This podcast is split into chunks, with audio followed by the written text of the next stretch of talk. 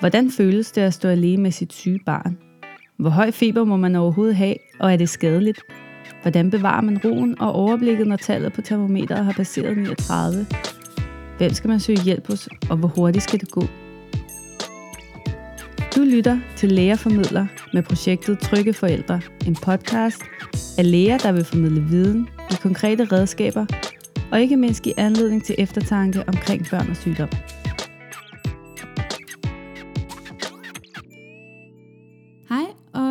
Velkommen til. I dag skal det handle om almen tilstand og hvordan du som forælder selv vurderer dit barns almen tilstand. Til det har vi udviklet en simpel og konkret huskeregel, som vi vil gennemgå sammen med Claus Sønderskov. Han er en erfaren læge med masser af gode råd til dig som forælder. Jeg hedder Anna Grønnerup og har sammen med Ida Bjerg Sørensen og Laura Kværneland grundlagt gruppen Læger Formidler, som skal formidle bro mellem os læger og dig derhjemme. Podcasten, du lytter til lige nu, den hedder Trygge Forældre, og den er til dig, som er forældre til et barn mellem 0 og 6 år, men selvfølgelig også til alle andre, som gerne vil vide mere om sygdom hos børn og hvordan man håndterer det. I forrige episode, der introducerede vi os selv og tankerne bag podcasten, så gå endelig ind og hør den også. Men som sagt skal det i dag handle om almen tilstand. Og øh, også sundhedspersoner, vi bruger den her betegnelse, almen tilstand, men hvad er det egentlig, det betyder? Ja, altså almen tilstand beskriver, hvor påvirket eller ikke påvirket et barn er af sin sygdom. Den normale almen tilstand, det er den tilstand, hvor barnet er, som det plejer. Altså både med hensyn til, om barnet leger, hvordan kontakten er til barnet, hvor meget barnet spiser, drikker, vejer osv. Hvis et barn er syg med for eksempel feber, men ellers i øvrigt er fuldstændig som det plejer at være, jamen så er almen tilstand god. Og sådan lidt firkantet sagt, så vil man som læge ikke være bekymret. Og vurderingen af almen tilstanden er nok den vigtigste og den første vurdering, man gør sig som læge, når man møder et barn, der har pludselig opstået sygdom. Allerede ude i venteværelset, når man kalder barnet ind, der prøver man sådan at danne sig et billede af den her almen tilstand. Ser barnet glad ud, sidder der og leger, øh, løber det hen til døren, eller sidder det stille og ser det bleget ud osv. Og det er den her vurdering, øh, man laver, som faktisk næsten danner grundlaget for, hvordan vi senere vurderer, om sygdommen kan ses an, eller om man skal handle med det samme. Men almindelig tilstand kan selvfølgelig også svinge rigtig meget. Det er jo helt klassisk, at børn ofte er meget, kan være meget syge derhjemme, og så snart de så kommer til lægen, jamen så er tilstanden meget bedre, og de render rundt og leger. Og det er helt naturligt, og det hænger sammen med, at der er gået noget tid, men også at der sker noget nyt, børnene bliver distraheret. Øhm, og det ved vi som læger godt, og det har vi også selv oplevet med vores eget, egne børn. Vi ved jo godt, at alle vurderinger er et øjebliksbillede, og sådan vil det altid være. Men den her vurdering, det her øjebliksbillede, at kunne lave den vurdering kan være rigtig svært. Det kan være rigtig svært at træde skridt tilbage og vurdere sit barns almindelige tilstand. Man står i en uvandt situation, i hvert fald hvis det er ens første barn. Øh, og samtidig så er man måske bekymret, man er træt, øh, man er presset fra flere sider, og det kan være lidt svært at holde hovedet koldt.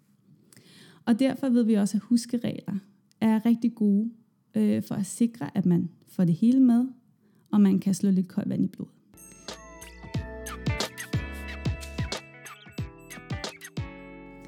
Og det er derfor, vi har udviklet den her huskeregel, som vi kalder SAFE. Og det er altså S-A-F-E.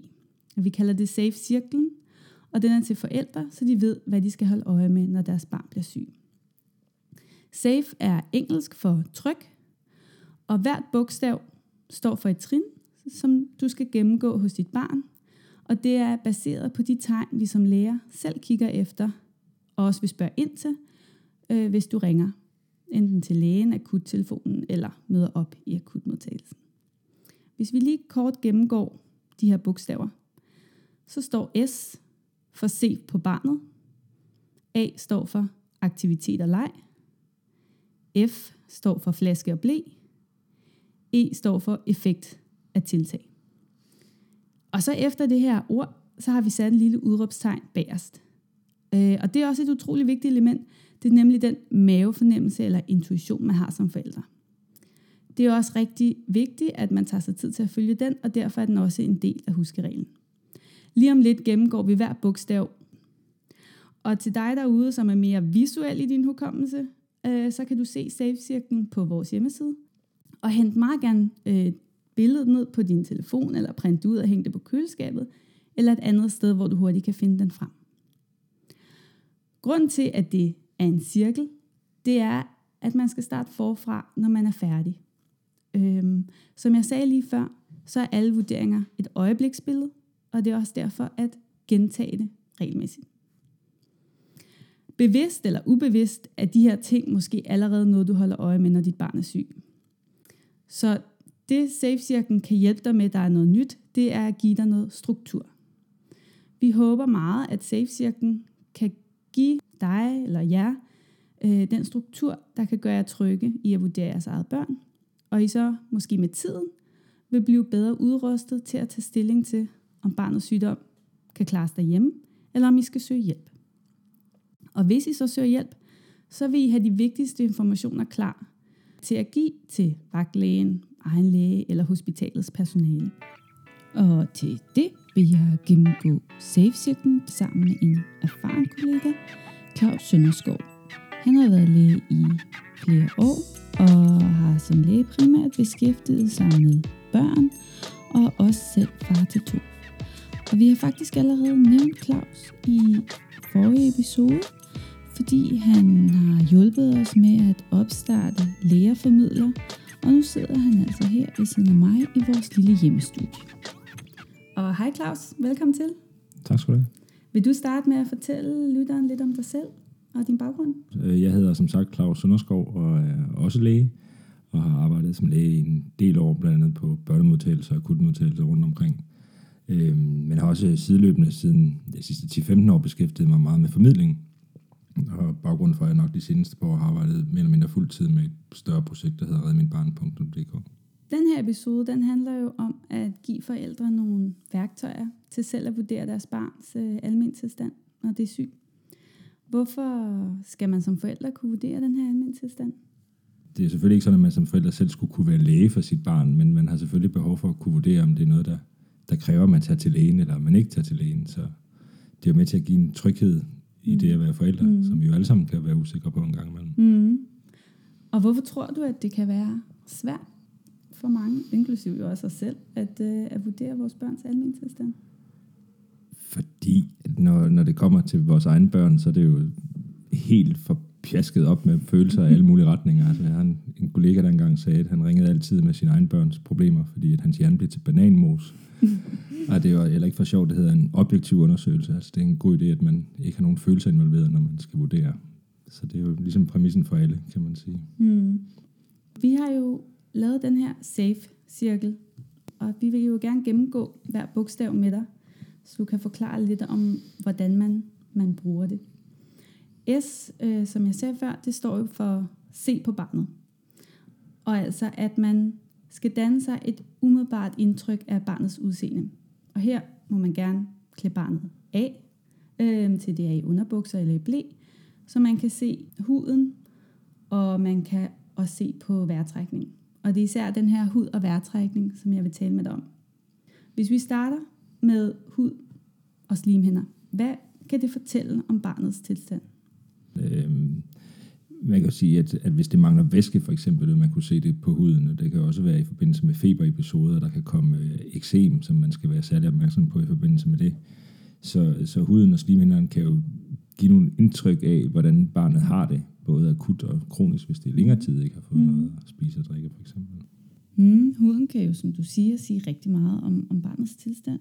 Man kan jo for eksempel se væskemangel, som du også sagde, og det ser man ved for eksempel, at, at slimhinderne bliver tørre, og hos små babyer kan man se øh, eller mærke, at de, de bløde områder i kraniet, altså det vi kalder fontaneller, kan synke ind øh, i forhold til normalt.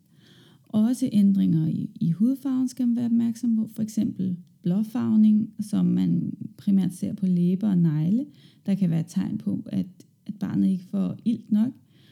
Mm, og hvis hudfarven generelt er mere bleg og grålig, øh, og især hvis den også føles kold og klam, så ved jeg, jamen, Sådan bør huden ikke være. Men Claus, har du en rettesnor for, hvordan man vurderer hudfarven? Øh, altså nu er alle hudfarver jo unikke, men altså... Øh, huden skal som udgangspunkt have øh, den farve, barnet normalt har på sin hudfarve. Øh, nu kommer vi jo heldigvis i rigtig mange forskellige dejlige variationer som mennesker, så mm. man så sige det, men øh, det vigtigste er, at huden har den samme naturlige glød og farve og spændstighed, kan man sige, som mm. den normalt har. Mm. Er der noget udslæt, man skal være særlig opmærksom på? Altså man kan sige, hvis man, hvis man tager udgangspunkt i, at man har et barn, der har feber, og man tager tøjet af for at vurdere barnets tilstand, så er det en rigtig god idé at kigge efter de her udslæt, som vi alle sammen har hørt så meget om, man kan være lidt bange for i forbindelse med meningitis. Øh, det, der hedder petechia. Mm. Øh, og den, den type udslæt er vigtigt at få øje på med det samme. Så et barn med høj feber skal ikke have den her type udslæt. Det mm. skal man til læge med det samme. Ja. Øh, og det er sådan en særlig type udslæt, som hvis man trykker på det, så mister det ikke sin farve. Altså hvis man trykker på det og flytter fingeren, så får det ikke sin farve igen, eller man kan også trykke på det med et stykke glas. Mm. Og det er jo fordi, at de her petekier faktisk er små hudblødninger.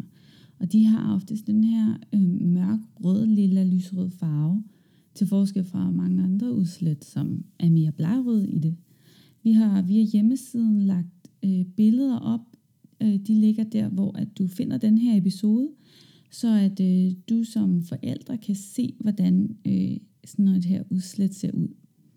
Men øh, vi skal måske også lige tilføje, at langt, langt, langt de fleste udslæt, der opstår i forbindelse med feber, er fuldstændig uskadelige. Jeg synes, det er en meget vigtig pointe, at rigtig mange virussygdomme kommer med et eller andet uspecifikt blegrødt udslæt, uden at det nødvendigvis skal være et stort alarmtegn af den grund. Men det er klart, at, at de, det her udslæt, det er det, man ofte bliver spurgt til, og vi alle sammen er lidt på vagt efter. Mm. Men som udgangspunkt skal man jo, skal man, hvis man er utryg og ikke er sikker på, hvad det er, så skal man jo selvfølgelig søge hjælp. Mm. Hvad med, øh, hvis vi nu skal tale lidt om den her vejrtrækning, som man også skal kigge efter? Hvad, hvad er det, som man som forældre skal, skal kigge efter, når det kommer til vejrtrækning? I forhold til, hvordan barnet trækker vejret, så handler det jo meget om, om trækker det barnet vejret stille og roligt og normalt. Børn trækker vejret meget hurtigere, end du og jeg gør som voksne. Men man kan godt se, om barnet sådan ligesom hiver efter vejret mere, som om det er forpustet, og også om det er anstrengt, altså bruger flere kræfter på at trække vejret. Øh, eller også, selvfølgelig også lytte på, om der er nogle lyde, der ikke plejer at være der, om den er væsende, pipen eller rallende og sådan noget. Vi lærer, bruger nogle gange udtrykket indtrækninger. Det der er måske nogle forældre derude, der har hørt lægen tale om. Øh, vil du lige kort beskrive, hvad, hvad det er? Jamen indtrækning er jo sådan et begreb, hvor man kan se for eksempel musklerne nedenunder ribbenene trække sig ind, eller imellem ribbenene, eller heroppe mellem kravbenene, kan se, at huden trækker ind. Og er jo egentlig et udtryk for, at, at barnet bruger flere kræfter og nogle muskler, man normalt ikke bruger på at trække vejret. Det foregår jo normalt ved, at man ikke tænker over det, man her aktiverer de nogle flere muskler for at gøre det. Så det er et udtryk for en besværet vejrtrækning. Mm. Vi kommer til at tale meget mere om rustesnot og så videre i en særskilt adskilt episode. Så nu er vi nået til næste bogstav, som er A, og det står for aktivitet og leg. Og det handler altså om, at man skal se på, hvordan barnet opfører sig, og hvordan øh, kontakten er til ens barn.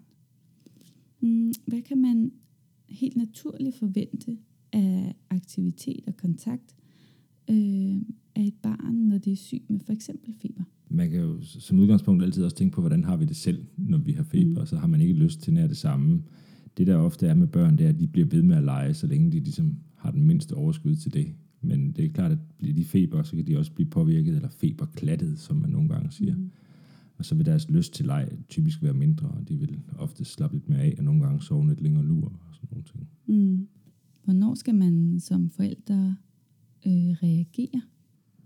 Altså man siger, med hensyn til kontakt, der er det jo særligt for de små, kan man sige, der er det jo ekstremt vigtigt at lægge mærke til det her med, at de bliver ved med at melde sig til måltiderne selv helt små børn, der ikke er begyndt at lege nu, har jo en bestemt sådan måde at være på, som man rigtig godt ved som mor kender som far. Mm. Hvor man melder sig på nogle bestemte tidspunkter til måltider, og der er ligesom sådan en, et rytme og et mønster et bestemt. Så hvis barnet så bare bliver ved med at sove hen over det naturlige tidspunkt, hvor han eller hun plejer vil have noget mad, så er det der lidt bekymrende tegn. Og på samme måde, hvis et barn slet ikke på nogen måde kan, et lidt større barn slet ikke på nogen måde kan lukkes til at, at lege, eller smile af et eller andet, eller have en adfærd, hvor det er nysgerrigt. Altså interessere sig nysgerrigt i det, omgivelserne laver. Så skal man også blive lidt mere bekymret for, hvad det er. Ikke? Mm. Øhm, og der er måske også nogle forældre, der har oplevet, at læger spørger til, om hvordan kontakten er til barnet, og om det er irritabelt. Hvad, hvad betyder det her med irritabelt egentlig helt konkret? Altså lige i den her sammenhæng, der kan det jo godt give noget forvirring, fordi vi bruger irritabelt i, sådan i, i folkemunde på en anden måde, men her mener man jo konkret et, i særdeleshed et lille barn, som, som ikke kan trøstes, altså som har feber, og som uanset hvad man gør, uanset hvordan man prøver at give omsorg og, og, øh, og trøste det her barn, så bliver det ved med at græde og være pigerlig og bryder sig ikke om kontakten og berøringen. Så det er sådan en irritabilitet mod kontakten, kan man sige. Mm, mm. Man kan sige, som forældre skal man jo reagere, hvis man synes, at, at ens barn har en helt anden kontakt, end det plejer at have, hvad end der er feber eller ej. Det er jo bekymrende, hvis kontakten grundlæggende er, er lavet om. Så, så hvis barnet ikke har den naturlige kontakt, man oplever, den naturlige adfærd, øh, og især så deltid, hvis det er i tillæg til almindelig sygdom, eller man har tænkt, nu har barnet feber, og så ændrer sin, sin adfærd og sin kontakt, så skal man reagere kontakten lige. Mm. Så er vi nået til F, som står for flaske og blæ. Og det hentyder til, at man skal holde øje med, hvor meget barnet drikker og tisser. Øhm, hvilke ændringer i mad og væskeindtag vil man helt naturligt kunne forvente af et barn, der er syg? man vil typisk forvente, at et barn, der er sygt, spiser og drikker mindre. Altså appetitten er mindre, det kender vi jo også igen. Det kender vi også for os selv. Appetitten er mindre, og lysten til at drikke noget er mindre. Måske har de ondt i halsen, men siger ikke, at de har ondt i halsen. Og den eneste måde, de viser det på, det er ved at, ved at spise værende og væske værende. Mm. Så, så på den måde så er det endnu vigtigt, at man især på væskedelen tilbyder rigtig ofte noget at drikke mm. hos børn. Fordi mm. hvad, hvad skal man så give sit barn at drikke?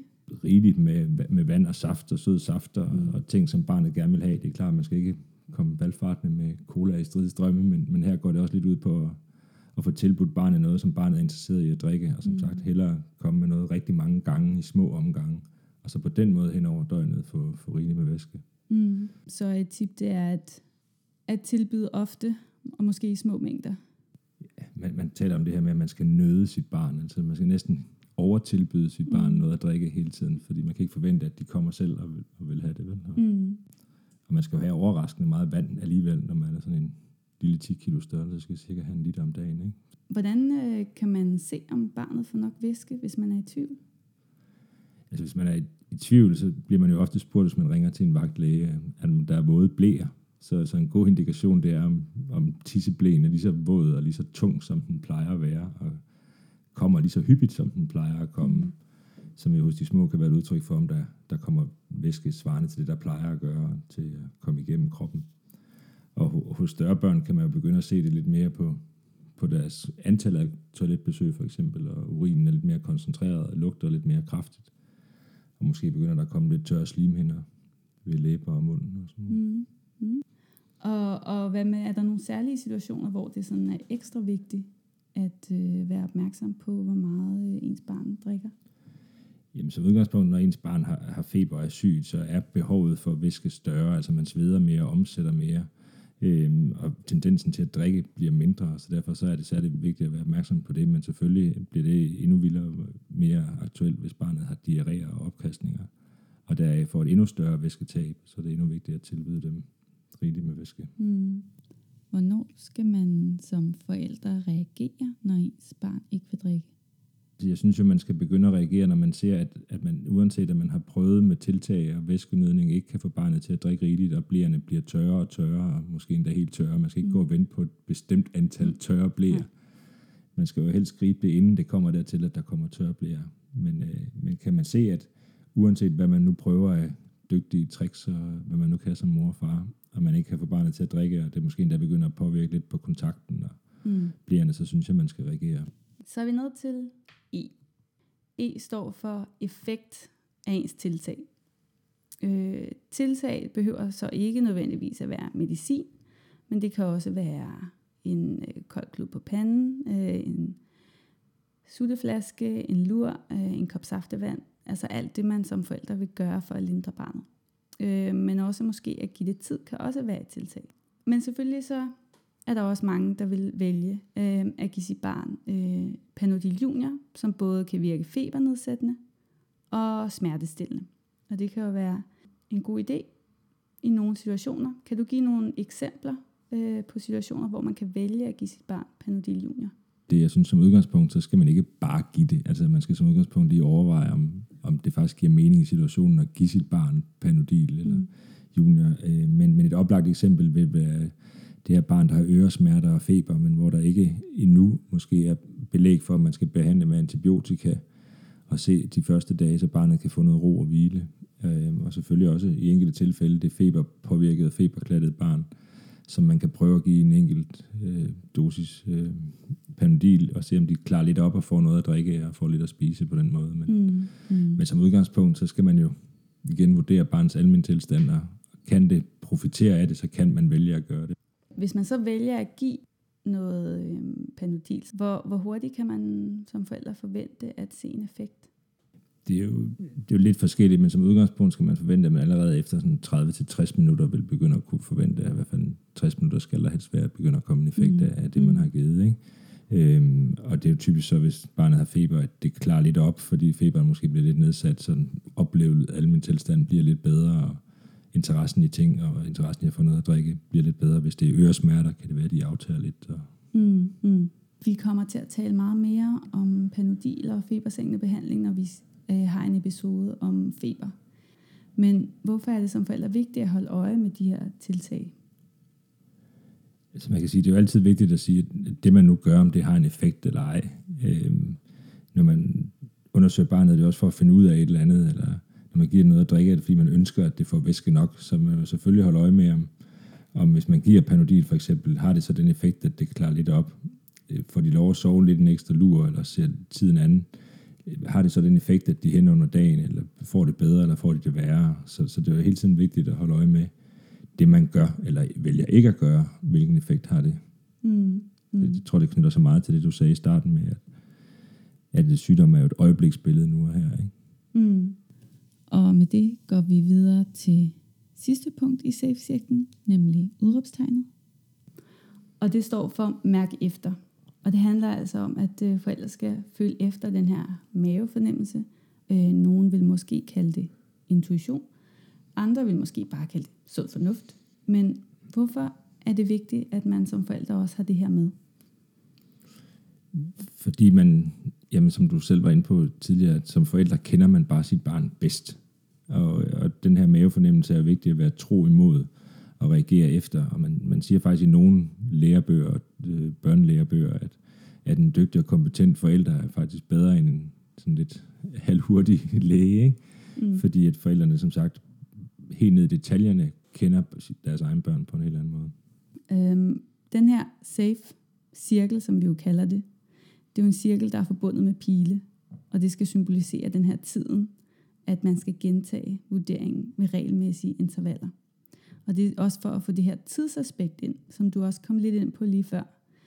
Øhm, hvorfor er det, at øh, det er vigtigt med den her tidsfaktor?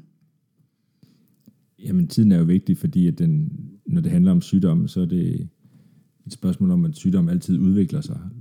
Det, man ser på den lige nu her i et øjebliksbillede, så bliver det enten værre, eller så bliver det bedre hen over tid.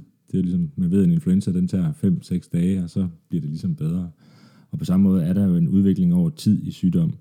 Og derfor så er det jo vigtigt, både som information, hvor lang tid er det stået på, hvor dårligt har barnet det efter en given mængde tid, og hvor hurtigt er det opstået. Så på den måde indgår tid en, som en vigtig del af, af både vurderingen og, og behandlingen for den sags skyld også. Mm, og med det runder vi vores introduktion af safe af.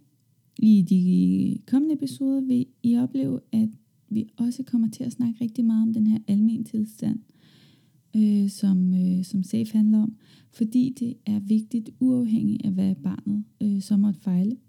Men nu vil jeg gerne stille dig, Claus, nogle mere generelle spørgsmål, som vi altid øh, stiller i slutningen af vores interview.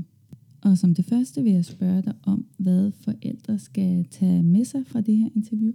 Jamen, de skal jo tage det med, at, at det er dem, der kender deres børn bedst, og de skal ture kigge på deres børn og ture vurdere, og bestemt også ture bede om hjælp og gå op og sige, hey, jeg er bekymret, og se det som en, øh, en lang, lærerig rejse, man er på som mor og far. At man også lærer hen ad vejen. Første gang ens barn bliver sygt, er bestemt anderledes end tiende gang, det får en virusinfektion.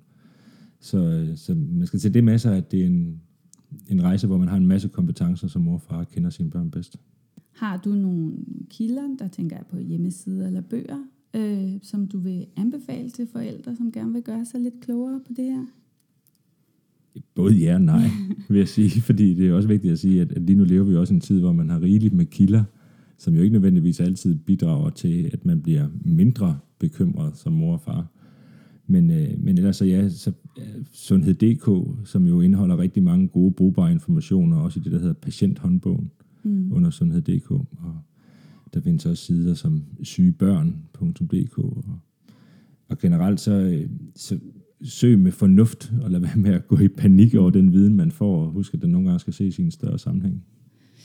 Øhm, hvad oplever du forældre er mest bekymret over, når deres børn er syge? Øhm, alt muligt. Men øh, selvfølgelig først og fremmest, at det er noget alvorligt. Øhm, ja, mest af det er alvorligt, at de kommer til at overse noget, og at øh, de kunne være skyldige på en eller anden måde, at der ikke, barnet ikke fik det bedre igen.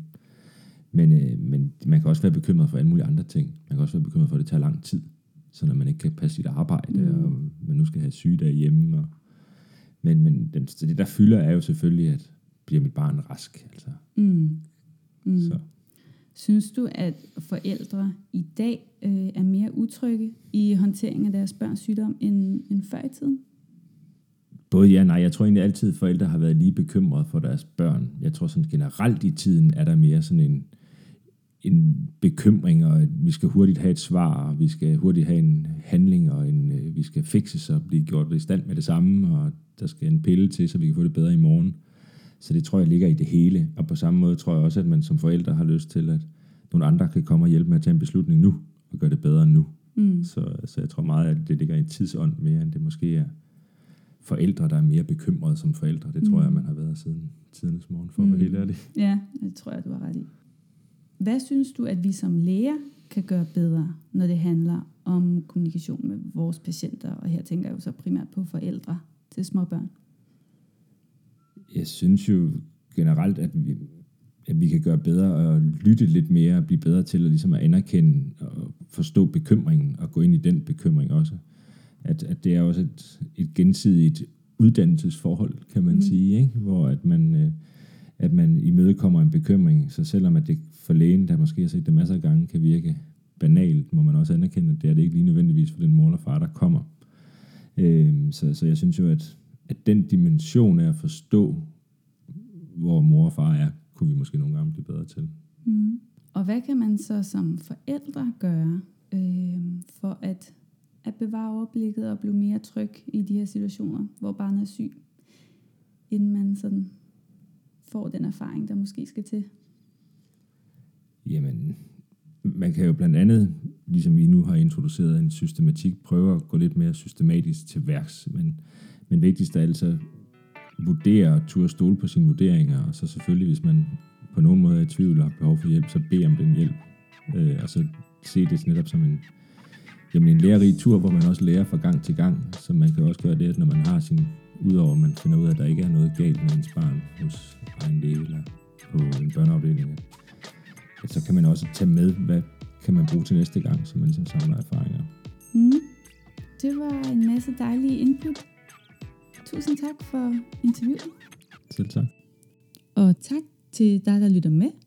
I den her episode har vi gennemgået, hvordan man kan gå systematisk til værks ved hjælp af SAFE-cirklen. Den finder du på hjemmesiden og er beskrevet derinde, hvor du finder den her episode.